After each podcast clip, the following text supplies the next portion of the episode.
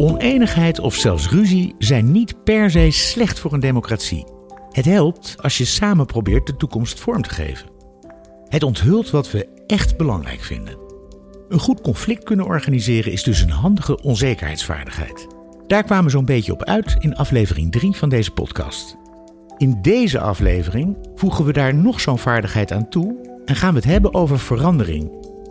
Niet zomaar verandering, maar hele grote, heel ingrijpende verandering. Mijn naam is Michael Schaap. Welkom bij Onzekere Zaken.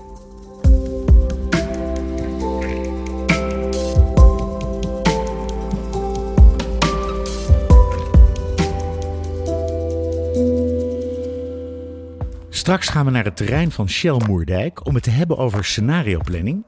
Maar eerst is het goed om iets te weten over transities. De energietransitie bijvoorbeeld.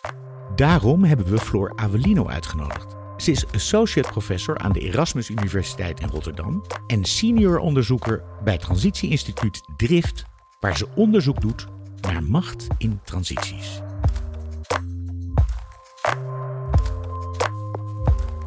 Transitie betekent overgang. Toch? Het is de overgang van iets naar iets anders.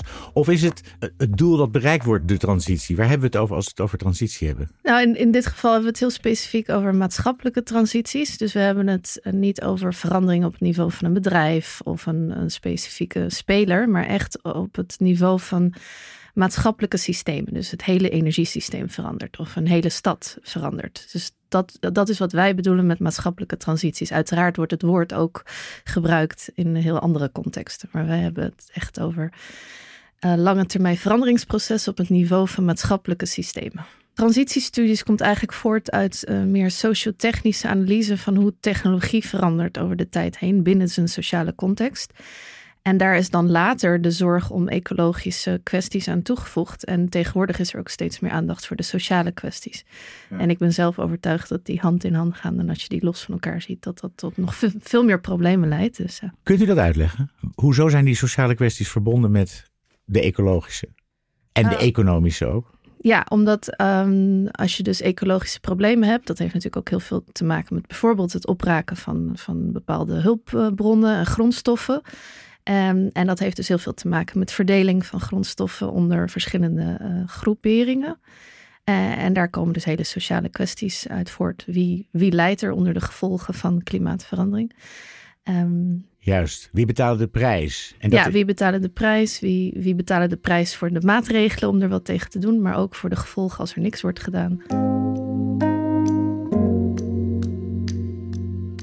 De bekendste transitie waar we op dit moment in zitten is ongetwijfeld de energietransitie. Of, om het preciezer te formuleren, de hernieuwbare energietransitie. Ja, dus als je het hebt over hernieuwbare energietransitie, dan heeft dat onder andere te maken met een, een, een veranderingsproces richting gebruik van hernieuwbare energie. En dat is radicaal anders dan bij wijze van spreken de transitie ooit van turf naar gas of van gas naar elektriciteit of het is anders qua richting. Dus je zou kunnen zeggen dat de ene, nou ja, toen de tijd wisten we dat nog niet, achteraf gezien een onduurzame richting had. Maar uh, het idee van transitieonderzoek is dat bepaalde onderliggende processen wel vergelijkbaar zijn van verandering. Dus ongeacht de richting uh, kunnen de, kan je wel leren van die transities uit het verleden. En uit dat verleden hebben we onder andere geleerd dat onze invloed op die transities relatief beperkt is. Ja, dus je zou kunnen zeggen transities gebeuren, ongeacht wat wij daaraan doen en wat voor ideologie wij daarop projecteren. En soms kan dat leiden tot nog veel ergere situaties of het kan leiden tot iets betere situaties. En je hebt in het transitieveld heb je verschillende dingen, maar je zou het kunnen opsplitsen in twee grote dingen. Eén ding is het begrijpen van wat er gebeurt. En een ander ding is het idee van transitiemanagement en transitiesturing en transitie governance. Um, dat je dus, je kunt het nooit, het is niet maakbaar, je kunt het niet controleren, je kunt het eigenlijk niet managen in de traditionele zin, maar je kunt wel proberen het bij te sturen. Uh, om erger te voorkomen of hopelijk het, het in een iets betere richting te laten gaan. Dus dat, dat is het idee. Binnen die transitiestudies heeft Avelino speciale aandacht voor de machtsverhoudingen. Dus het idee is, hè, je hebt een samenleving en er zijn bepaalde machtsrelaties. Dus bijna altijd als je daar uh, grote interventies in doet, uh, of interventies met, met de bedoeling om een, een, een, significante impact te hebben, dan zal dat dus consequenties hebben voor de bestaande machtsrelaties. Of je dat nou wel of niet zo bedoelt, zal dat gevolgen hebben. Uh, dus dat is wat ik daarmee bedoelde. En dat je daar dus over moet nadenken van wat wil ik dat de gevolgen zijn, maar ook wat zouden onbedoelde gevolgen kunnen zijn. De vraag wat wil ik dat de gevolgen van een transitie zijn, heeft iets subjectiefs. Wat jij wenselijk vindt, hangt af van welke idealen je hebt, toch? Is dat wel hoe je wetenschap hoort te bedrijven? Er is dus het veld van transitiestudies. En daar zijn ook historici die gewoon onderzoek doen naar historische transities. En die zouden, denk ik, uh, heel erg uh, er tegen, uh, tegen het idee ingaan dat de theorie gebaseerd is op een bepaald idealisme. Ja, ja. Dus je hebt het veld. En ook waarin, geen determinisme en zo. Ja, ja, dus je hebt het, het, brede veld van transitieonderzoek. En daarbinnen zijn een aantal instituten en onderzoekers die zich specialiseren in hedendaagse transities en toekomstige transities. Met een hele duidelijke normatieve um, positionering en drift waar ik werk en ik zelf ben daar één van. Dus ik zal niet ontkennen dat ik een normatieve, uh, normatief perspectief heb. En ik vind ook dat je daar eerlijk en transparant over moet Durft zijn. Durft u te zeggen zelfs dat u daarmee ook een politieke agenda heeft? Um, of drift als instituut? Dat niet, maar wel dat ik dus niet. Ik geloof dus niet dat, dat wetenschap volledig apolitiek is. En dat je dus uh, open moet zijn over uh, je politieke en, en normatieve overtuigingen. Maar er blijft een belangrijk verschil tussen wetenschap doen en politiek. Dus wat dat betreft is het geen politieke agenda. Het is een wetenschapsagenda, een onderzoeksagenda. Waarbij de twijfel altijd voor de politieke agenda gaat. Dus als ik Hè, bijvoorbeeld opmerk van hey, energiecoöperaties, dat kan ook onbedoeld leiden tot vervelende dingen, dan is dat misschien niet heel handig om te zeggen vanuit mijn uh, GroenLinks-overtuiging. Uh, hoewel ik eigenlijk ook vind dat je ook binnen de politiek heel erg de twijfel op moet zoeken. En juist ook de onbedoelde. Maar dus bij de wetenschap gaat de twijfel is nummer één. Dus je zal altijd de nuance en de twijfel opzoeken, ongeacht de politieke agenda. Maar je kan nog steeds eerlijk zijn. Als we het hebben over transities, gaat het niet alleen om een technische oplossing van een probleem. Het gaat om een verandering van systeem. Wat wij noemen transformatieve innovatie, dus een belangrijk uitgangspunt van ons werk, is dat je zegt: innovatie is nodig om de uh, hedendaagse problemen aan te pakken, maar niet genoeg. Want je hebt ook transformatie nodig. Je hebt systeemverandering. En, wat, ja, en daar wilde ik nou precies naartoe. Wat bedoelt u nou met die systeemverandering? En de, de paradox is dat als innovatie verandering uh, echt transformatieve impact wil hebben, dan moet het per definitie een proces van mainstreaming doorgaan. Hè? Dus het moet verspreid worden, het moet, het moet als het ware het nieuwe normaal worden. Dan heeft het impact. En, en in, dat proces, in dat proces verliest het per definitie iets van zijn innovativiteit. Juist. En ook van zijn machtsaspiratie. Nou ja, dat niet. Dus het juist meer het, het, het, bekende idee dat als je macht krijgt, dat je dan je idealen verliest. Of dat, dat, idee meer van juist het moet macht krijgen om impact te hebben. En in dat proces verliest het een bepaald. Dus ik maak onderscheid tussen verschillende soorten machten. Je hebt innovatieve macht en je hebt uh, transformatieve en meer. Um, het is een beetje de strijd voor. Uh, behoudende macht. Dus zo, naarmate je meer behoudende macht krijgt, verlies je iets van je innovatieve macht. Juist. En dat is de paradox. En wat ik dus beargumenteer is dat die paradox, dat is inherent. Dat is gewoon bijna een soort filosofisch feit. En wat mij verbaast, is dat mensen daar dan nog verbaasd over zijn. Dus dat, uh, dat, dat uh, ondernemers of activisten die een heel goed initiatief hebben, of, of ook andere mensen die daar naar kijken. Dus heel veel wetenschappelijk onderzoek eindigt ook met soort van het inzicht dat het allemaal paradoxaal is en dat het wordt ingekapseld. Ja. Maar dat, dat weet je eigenlijk van tevoren al. Dus uh, het argument is, hoe ga je daarmee om? Hoe bereid je daarop voor? En hoe maak je daar dan slim gebruik van? Dus kun je die, die dialectiek ook um, andersom gebruiken. Dus dat je, dat je inderdaad onderdeel wordt van het systeem, maar nog steeds vasthoudt. Hè? Het, het idee van choose your battles. Wat is nou de belangrijkste aspecten die je niet kwijt wil raken? Dus sommige dingen zal je kwijtraken, maar wat, wat is de kern waar je aan vasthoudt? Toch wil ik nog heel even blijven hangen op dat die politieke paradox van transformatie en innovatie. En vooral ook daar koppelde u aan in een slide, meen ik, ergens, dat u, maakt het onderscheid tussen gematigd, dus het vernieuwen binnen bestaande structuren, dat zou dan innovatie zijn, en versus radicaal, dat zijn de onderliggende structuren blootleggen en ik neem aan ook dan omver uh, opschudden. Ja, Waarbij we met radicaal dus niet bedoelen met geweld. Nee, nee, dat snap ik ook maar wel. meer dat het echt anders is. Dus het, als je bijvoorbeeld het voorbeeld van de elektrische auto neemt, dat zou je gematigd, wat wij dan een gematigde niche noemen. Dus het is een, een innovatie die op zich prima past binnen het huidige economische systeem. En het past zelfs binnen de. Want als je de, de, de elektriciteit die je daarin stopt, als die fossiel is opgewekt, dan past het zelfs binnen het huidige energiesysteem. Dus eigenlijk verandert er dan wat dat betreft weinig. Maar Ja. je kunt dus door naar meer radicale eh, elementen in de zin van hè, dat je gaat nadenken over gedeeld eigendom van die elektrische auto's. Ehm, en dat je zorgt dat de, de energie die wordt gebruikt voor die elektrische auto's niet alleen hernieuwbaar is, maar dat die ook coöperatief en wordt opgewekt.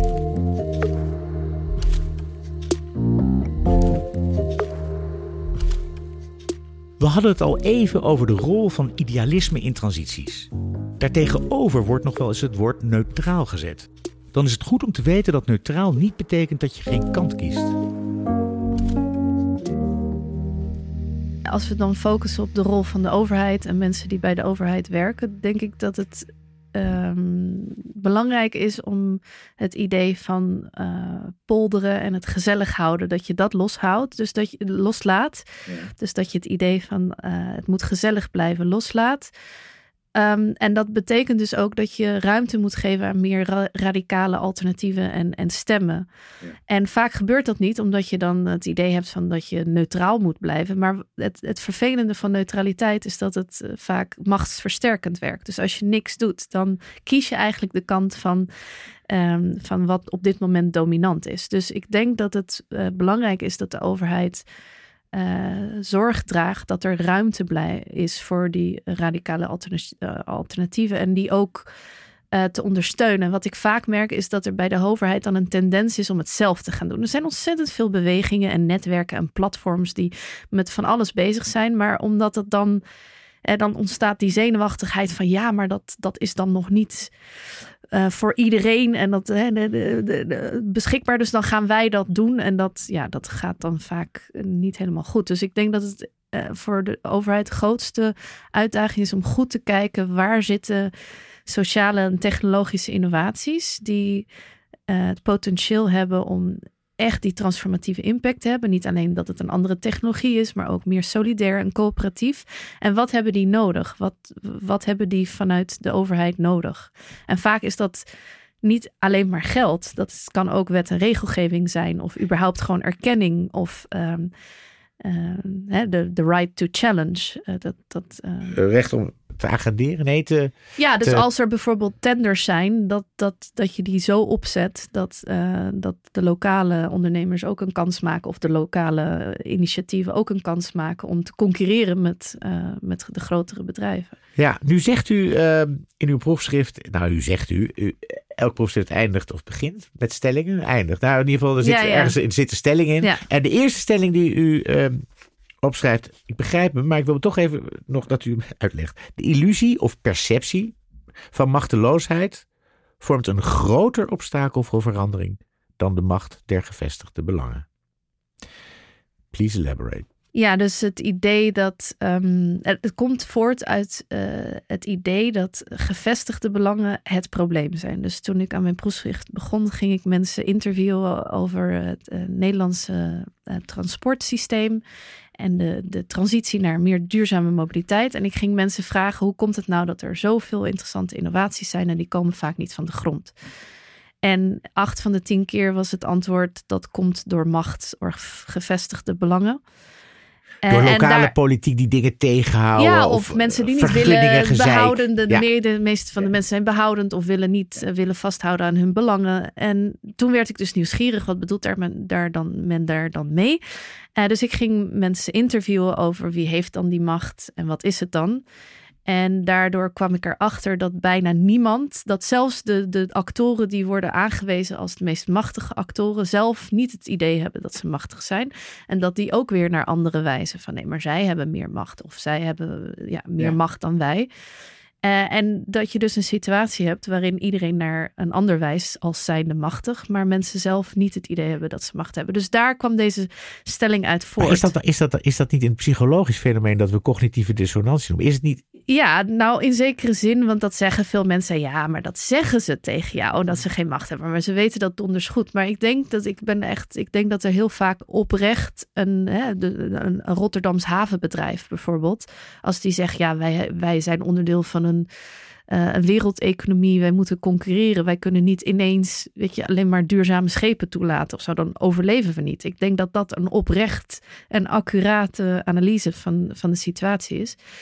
Uh, dus dat heeft geleid tot mijn stelling dat machteloosheid een groter obstakel is. Maar ik moet zeggen dat ik inmiddels, inmiddels wel terug ben gekomen van die stelling. Dat ik de stelling zou nu zo in machteloosheid is minstens net zoveel een uh, obstakel voor verandering als gevestigde belangen. Want je merkt heel erg in de machtsliteratuur is er heel veel aandacht voor Foucault en de macht van structuren en eh, de macht van gevestigde belangen. En ik werd daar soms een beetje kriegel van, omdat dan machtsanalyse vaak daarin blijft steken en daar word je heel cynisch van.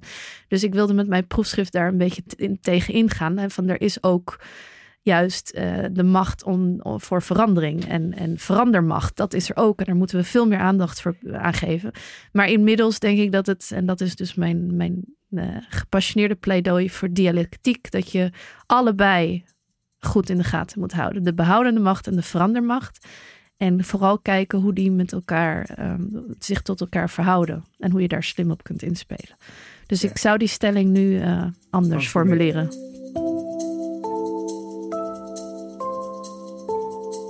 Ten slotte wil ik nog graag van Avelino weten waar ze hoop uitput. Komen we er? Gaat het goed komen? Geef ons hoop. Met die onzekerheid moeten we leven. Maar hè, dat is mijn favoriete quote. Van we moeten beseffen dat het hopeloos is. En toch uh, blijven vechten om het anders te maken. Ja, dus dat de, de, ik denk dat dat de enige manier is om, om niet helemaal uh, depressief te raken. Is door te, te blijven hopen en te accepteren de, de onzekerheid. Maar ik zie dus hoop in uh, de alternatieven op de alternatieven. Dus als je bijvoorbeeld kijkt naar Uber en, en Airbnb, um, dat je daar dan weer reacties op krijgt. Uh, en zoiets als bijvoorbeeld Wikipedia, dat bestaat. Dat, dat hadden we ons een aantal decennia geleden totaal niet kunnen voorstellen dat zoiets bestond. Dat is nog steeds een commons. Dat is nog steeds niet geprivatiseerd. Het is nog steeds niet um, uh, opgeslokt. Dus het kan. Uh, en, en ik denk dat heel veel alternatieven die dus proberen het beste van technologische en sociale innovatie te combineren met ethische en solidaire principes. Hè? De donut economics, de commons. Dat je ook ziet dat steeds veel meer gemeentes daar de leiding in nemen om dat binnen hun stad uh, op te pakken. Dat geeft mij hoop.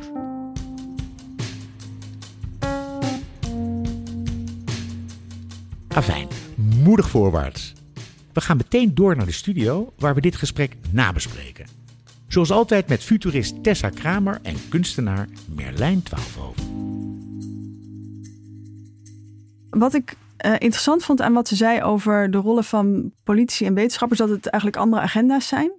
Uh, tegelijkertijd is iedereen um, heeft een, een agenda of je nou wetenschapper bent of politicus. Je hebt gewoon een bepaald doel. Ja. Um, dus dat hele idee van objectief en subjectief met die toekomst bezig zijn, is wat mij betreft een beetje een non-discussie. We zijn niet neutraal, nee. En, en dat is natuurlijk het hele punt. Dat, dat uh, het, het, het, punt dat Marlijn ook vaak maakt is. Um, dus hè, op het moment dat je die status quo houdt, dus dat je daarbij blijft, uh, dan uh, maak je dus ook een keuze die niet neutraal is. En dat is natuurlijk echt wel uh, een uitnodiging, dus ook voor wetenschappers. Je kan wel de hele je, je verstoppen achter. Nee, ik heb een hele grote dataset gehad. Maar alsnog heb je in die dataset keuzes gemaakt. Wat je met Data zijn ook niet neutraal. Nee. Bij een, uh, een misdaad, bij zinloos geweld, is het heel duidelijk dat je schuldig bent als je niet ingrijpt. Als je niet een slachtoffer helpt. Terwijl we zijn nu, onze generatie, wij die op dit moment leven, zijn allemaal de bystanders van een tragedie die zich aan het ontvouwen is. En hoe kunnen we dat voelen? En hoe kunnen we dan ook, wat we wel bij een kind wat in het water ligt, doen? Hoe kunnen we erin springen? En wat zij beschrijft, de illusie van machteloosheid dat is misschien wel een heel groot probleem. En ik heb dat zelf gemerkt. Politicus die zegt, ja, ik heb ook maar mijn mandaat. En het bedrijfsleven die zegt, ik moet mijn shareholders. En de, de media die zegt, ja, maar de attentiespan van mijn publiek is... Uh, ik moet toch aan mijn kijkcijfers denken. We kunnen het allemaal afschaf, uh, afschuiven waarom wij aan zet zijn.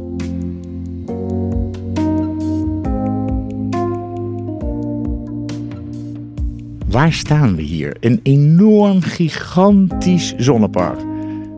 Toch? Klopt. We staan hier op het trein van Shell Moerdijk. En uh, midden eigenlijk in ons uh, zonnepark, wat we een paar jaar geleden hier gebouwd hebben. Je hoort Herman van der Meijden. Tegenwoordig Energy Transition Relations Manager. Dat kun je ook gewoon lobbyist noemen. Maar we hebben hem uitgenodigd vanwege zijn vorige baan. Hij was lid van het scenario-team van Shell, dat wereldwijd een voorloper was in scenario-planning. Het verhaal gaat dat Shell in de jaren 70 om die reden veel minder last had van de oliecrisis dan concurrerende bedrijven. De oliecrisis was acht jaar voordat ik geboren werd, dus ik sta er wat ver vanaf. Maar het klopt, hè? dus de overlevering zegt dat wij, doordat we die kaart hadden gemaakt, van die toekomst toen ook uh, zagen van hey, dit is aan het gebeuren. Daar hebben we het in ons scenario denken over gehad. Ja. Uh, en dat we dus uh, ja, net wat beter voorbereid waren om te zeggen oké, als dit gebeurt, dan zijn dit waarschijnlijk zeg maar de volgende stappen die te gebeuren staan. En daar kunnen we zo op inspelen. Enorme, enorme fabriek. Ik zie trouwens, wat zien we hier? We zien daar de kraker, toch? Ja. Dat, die, die, die, die hakt de moleculen in, twee, in tweeën, geloof ik, toch? Zo zou je dat kunnen zeggen. Ja, klopt. Ja, daar gaat nafta in. En die splitst dat eigenlijk in, uh, in allerlei ja, chemische bouwstenen... Waarmee, waarmee we weer andere materialen maken. Maar jullie zijn toch groot geworden met olie en gas? Dat is toch jullie core business? Of, of zeg je nu, energie is onze core business? Ja, dat zeg ik inderdaad. Ja. ja dat zeg dat dan? Je vult het al in. Ja, nee, heel goed. Ik hoef daar weinig aan toe te voegen. Nee, klopt. Ik ben in Shell begonnen in 2007. Mijn eerste baan was eigenlijk om aan die energiescenario's te werken. En het idee van scenario's maken is dat je zegt, nou, ik ga 50, 40 jaar, 50 jaar, eh, kies een horizon, vooruitkijken. En ik ga verkennen van hoe kan die toekomst van het systeem waarin ik speel, hè, want dat eh, je zou kunnen zeggen van Shell speelt in het energiesysteem. Hoe gaat dat systeem er nou uitzien als we zo ver vooruit kijken? Wat zou kunnen, zeg maar. En dus scenario, scenario verhalen zijn het eigenlijk. Zijn ook geen voorspellingen van de toekomst. Het is niet dat je zegt van nou zo gaat het worden. Het is niet een plan voor je om naar de toekomst te gaan. Maar het is een ja, soort vrije verkenning van hoe zou het zich kunnen ontvouwen. En wat zijn nou factoren in zo'n heel ingewikkeld systeem die voor ons echt belangrijk zijn en doorslaggevend. Maar goed, de, klassieke betekenis van een scenario is een soort draaiboek. Een opeenvolging van, uh, van gevolgtrekkende omstandigheden. Jullie kijken naar heel veel soorten scenario's. Ook naar wat we dan noemen de unknown unknowns. Die je nog niet eens kan weten. Dat, dat klopt toch? Het gaat toch heel ver, die scenario's? Ja, klopt. Kijk, dus het ontdekken van wat je niet weet... is een heel belangrijke drijfveer om goede scenario's te kunnen maken. En uh, het lastige met ontdekken van wat je niet weet... is dat je het niet weet. Dus dat, ja, Donald Rumsfeld heeft daar wel eens wat over gezegd. Maar ja, dus je moet, je zult, als je goede scenario's wilt maken, zul je vrij breed met wat dan wel contraire denkers genoemd worden. Hè? Dus mensen met andere opvattingen en ideeën, andere ervaring, andere perspectieven, moet je aan de slag. En als je dan gezamenlijk gaat kijken naar wat is dan dat toekomstbeeld, hoe zou dat zich kunnen gaan ontwikkelen, en je brengt die andere perspectieven bij je in het proces, in, in de kamer zoals we dat noemen. Ja, dan ga je ontdekken van hé, hey, maar als ik naar hetzelfde kijk, zij kijken naar hetzelfde als waar ik naar kijk over 40 jaar, maar ze doen dat vanuit een heel ander vertrekpunt. En dan zien ze dus ook heel wat anders. En ja, als je dat goed doet, ontdek je een deel van die unknown unknowns. Kan je het even voor mij nu visualiseren? Jullie zitten met een team aan een tafel en jullie beginnen met het uitdenken van, wat er is een hamvraag, ja. uh, wat gaan we doen na 2035? Want daar hebben jullie, jullie hebben namelijk aan nagedacht over bijvoorbeeld zoiets als die energietransitie, toch? Ja. Dat is een van, daar hebben jullie scenario's over gemaakt. Maar hoe gaat het dan? Ja, kijk, ik denk dat het begint met inderdaad de goede hamvraag. Hè? Dus, en de hamvraag, wat gaan wij doen na 2035, is, is niet per se de goede hand, hamvraag. Uh, want, want het gaat uit van jezelf. En ik denk dat het een belangrijk onderdeel van scenario planning is, dat je uitgaat van ja, eh, dat klinkt wat vaag, maar je systeem. Dus wat, wat is nou het, het systeem? Hè? Dat kan een politiek systeem zijn of een, of een cultureel systeem, maar het kan ook dus een, een, een milieusysteem zijn, waar wij eigenlijk het meest van, van afhankelijk zijn voor onze bedrijfsvoering. Voor ons als Shell is dat bedrijfsvoering, maar voor, hè, voor, een, voor een provincie zou dat een, ja, een provinciaal beleid zijn, of voor een landelijke overheid zou het landelijk beleid zijn. Hè? Dus iedereen speelt in dat grote systeem zijn eigen rol. En moet na, ja, als hij een goed scenario-analyse wil doen, die moet dan nadenken over wat zijn nou de hamvragen voor mijn systeem, wat voor mij van belang is, over hoe dat zich gaat ontwikkelen. Dat is, dat is, dat stap 1. En je moet ook afvragen, wat is een hele belangrijke vraag is, wat is je relevante tijdslijn? dus wij kijken naar 2050 en dat heeft, en, maar voor iemand anders kan 2025 de relevante tijdslijn voor een scenario zijn. En dat heeft te maken met wat is je tijd waarop je stappen kan maken als speler in het systeem. dus als Shell zijn we gewend met, uh, met, laten we zeggen, projecten doen. Die typisch een jaar of tien duren vanaf een idee naar dat je besluit het echt te doen. Dan moet je het nog bouwen.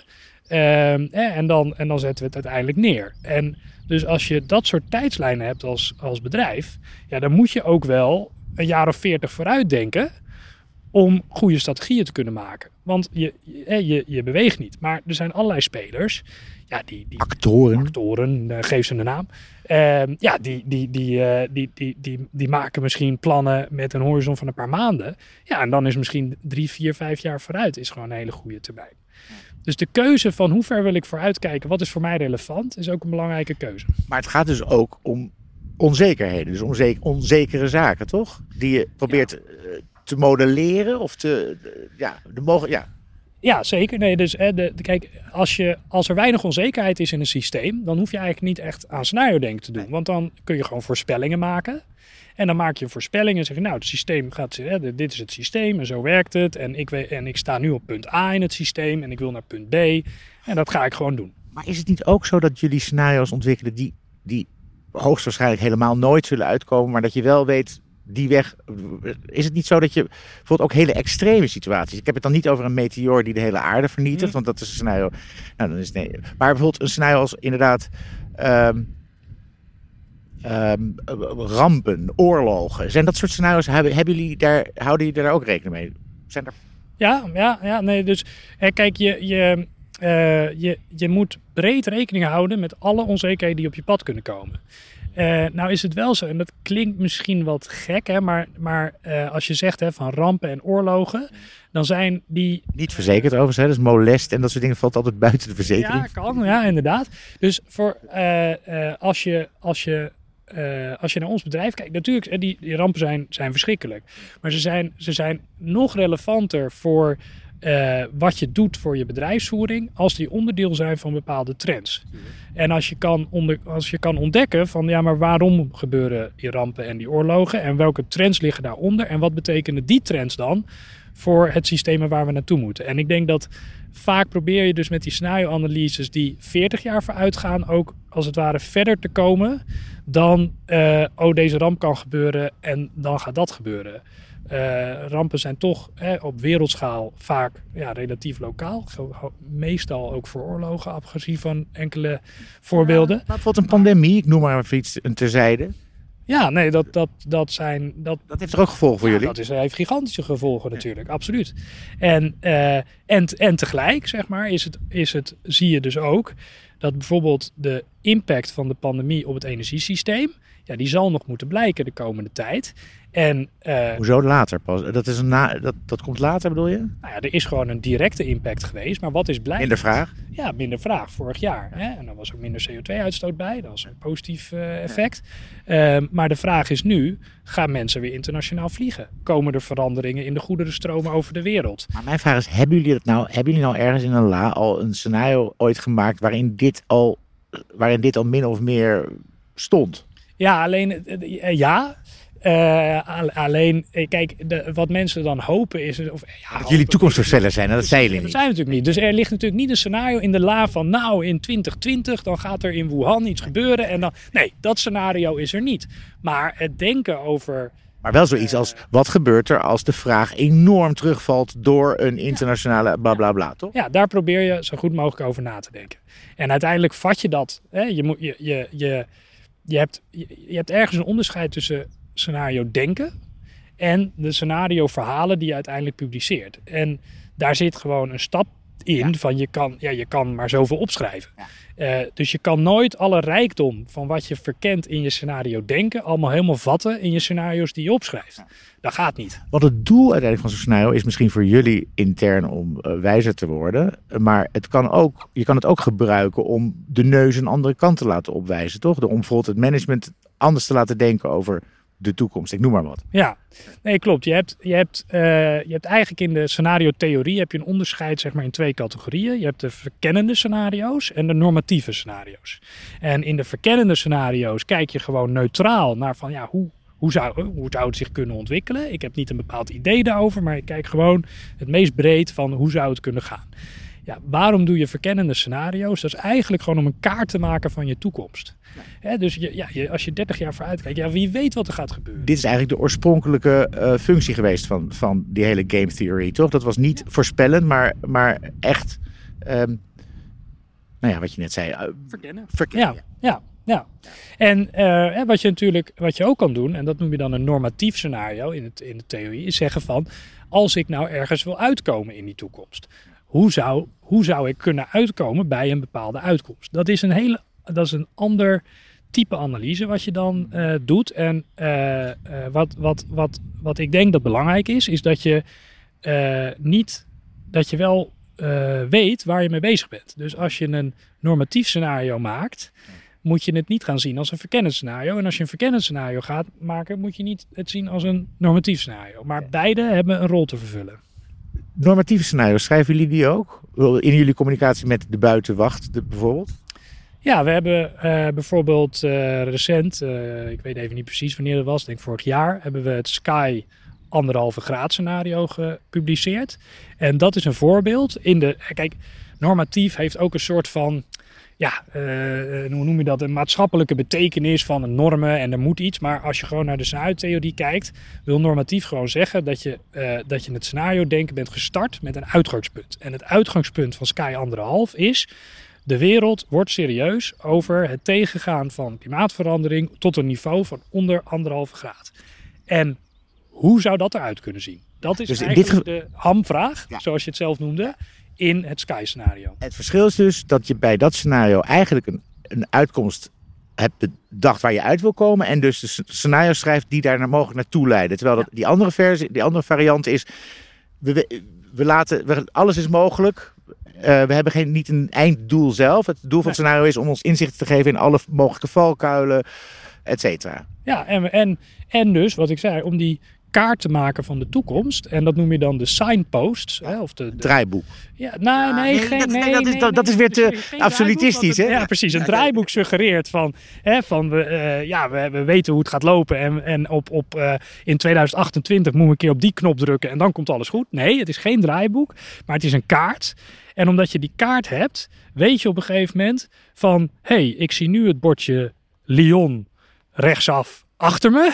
en uh, ik rijd nog steeds op die periferiek, dus het gaat fout. Hè? Dat, dat dus, uh, en als je nooit naar die kaart hebt gekeken, ja, dan weet je dat misschien niet. Dus, dus je moet eigenlijk, zeg maar, wat we noemen die bewegwijzering, die moet je leren herkennen. Dus, dus het, uh, het voordeel van scenario's gemaakt hebben, is dat als er dingen gebeuren, dat je die kan plaatsen in je eigen verhalen die je al had. En dat je dus en dat is in ieder geval het idee, en ik zie dat ook in de praktijk wel gebeuren, dat je sneller dan anderen uh, kan herkennen van hé, hey, in deze situatie ben ik aan het komen. En dat betekent dat wij op een bepaalde manier ons moeten gaan opstellen om hier uh, op een goede manier weer uit te komen.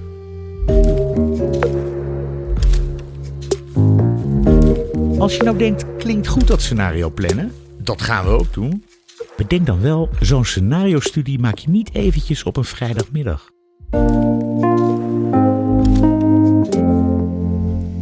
want uiteindelijk is ook een, de activiteit van het maken van scenario's is wel een investering.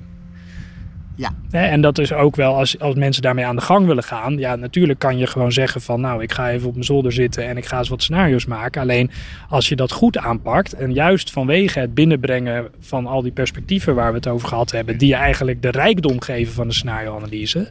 Ja, dat, daar, daar moet je wel even middelen tegen aanzetten. En als zo'n scenario-team eenmaal is opgetuigd, is het de uitdaging dat je er als organisatie ook nog iets mee doet.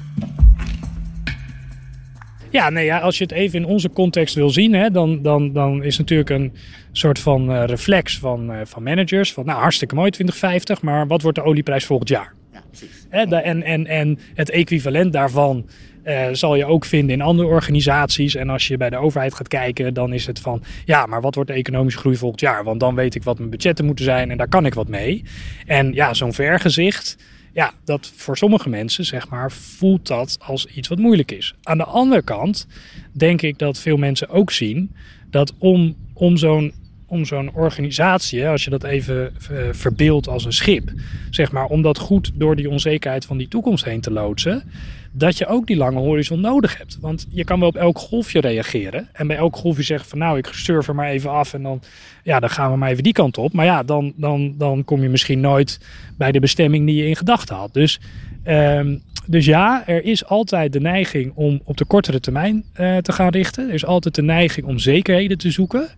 Uh, maar ik denk toch dat het heel waardevol is om je daar af en toe aan te onttrekken. En ja, wat, wat dan uh, Arie de, uh, volgens mij was het Arie de Geus, hè, een van de grote scenario-denkers uit de Shell-traditie noemde. Uh, en ik zit te twijfelen of het Arie de Geus was of Pieter Schwartz, die ook daar een grote rol in heeft gespeeld. Maar die had, had het, heeft een boek geschreven, The Art of the Long View. Hè, dus de kunst van de lange kijk op de zaak. En ik, ik geloof daar wel heel erg in. Wat dat scenario-denken Shell heeft opgeleverd, is inmiddels wel gebleken. Als nou niet Shell, maar de overheid zich zo had gestort op scenario's, had de wereld er dan wellicht anders uitgezien? Terug naar de studio met Tessa en Marlijn. Ik vond het heel mooi te horen, het maken van kaarten, mogelijke toekomsten. En dan dus niet voorspellen, maar gewoon denken van nou, wat gebeurt er? Als er dit gebeurt, kunnen we dan nog links? Kunnen we dan nog rechts? Hebben we die paadjes als het ware al een uh, beetje, beetje verkend? Um, en uh, tegelijkertijd geloof ik, we leven niet in een wereld met wegen en afslagen en bordjes, maar alsof we over een oceaan moeten navigeren. En dat is wezenlijk anders. Daarbij speelt vooral de vraag: wie ben je als schip? Wat voor voertuig heb je? En dat betekent veel meer toch die introspectie van een bedrijf of een overheid of een organisatie die vooral moet weten wie zijn we. Dus welke navigatiemiddelen hebben we? Hoe zijn we klaar voor een storm? Zijn we klaar voor stroming of voor een zandbank? En dat is heel iets anders als kennen we de weg naar Rome of Parijs. Want dat, dat, ja, daar mist een beetje dat beeld van welke, welk voertuig um, ja, besturen we. Ja, wat ik heel mooi vind aan het verhaal um, van deze Shell-scenarist, is dat um, het een goed voorbeeld is van de kracht van scenario denken. Um, wat bij scenario denken de kern is, is dat je eigenlijk je denken omdraait. Dus je gaat niet uit van wat er zeker is, dus wat je zeker weet over die toekomst, uh, maar je gaat uit van wat je niet weet. De known unknowns en de unknown unknowns. Unknown unknowns, daar refereren jullie ook aan. En dat is heel interessant, omdat dat eigenlijk een manier van denken is die heel nieuw is. Uh, dus op het moment dat ik bijvoorbeeld uh, uitleg, hey, uh, we gaan een scenario maken, dan is het eerste dat mensen geneigd zijn om te doen, is conclusies trekken over hoe de toekomst eruit zal zien. Van het zal wel deze kant op gaan. en ze gaan heel erg uit van wat ze nu weten. En het punt met, met onzekerheid is dat je dus probeert om dat niet weten te navigeren. Dus je gaat een heel andere andere kant op. Waarbij je vooral eigenlijk indicaties gaat maken van oké, wat is nou die, dat hele spectrum van alle ontwikkeling die gaande is. En wat zijn nou uh, aspecten daarvan die echt belangrijk zijn, die, waarvan we echt, uh, waar we een gesprek over moeten voeren, uh, waar dat naartoe gaat.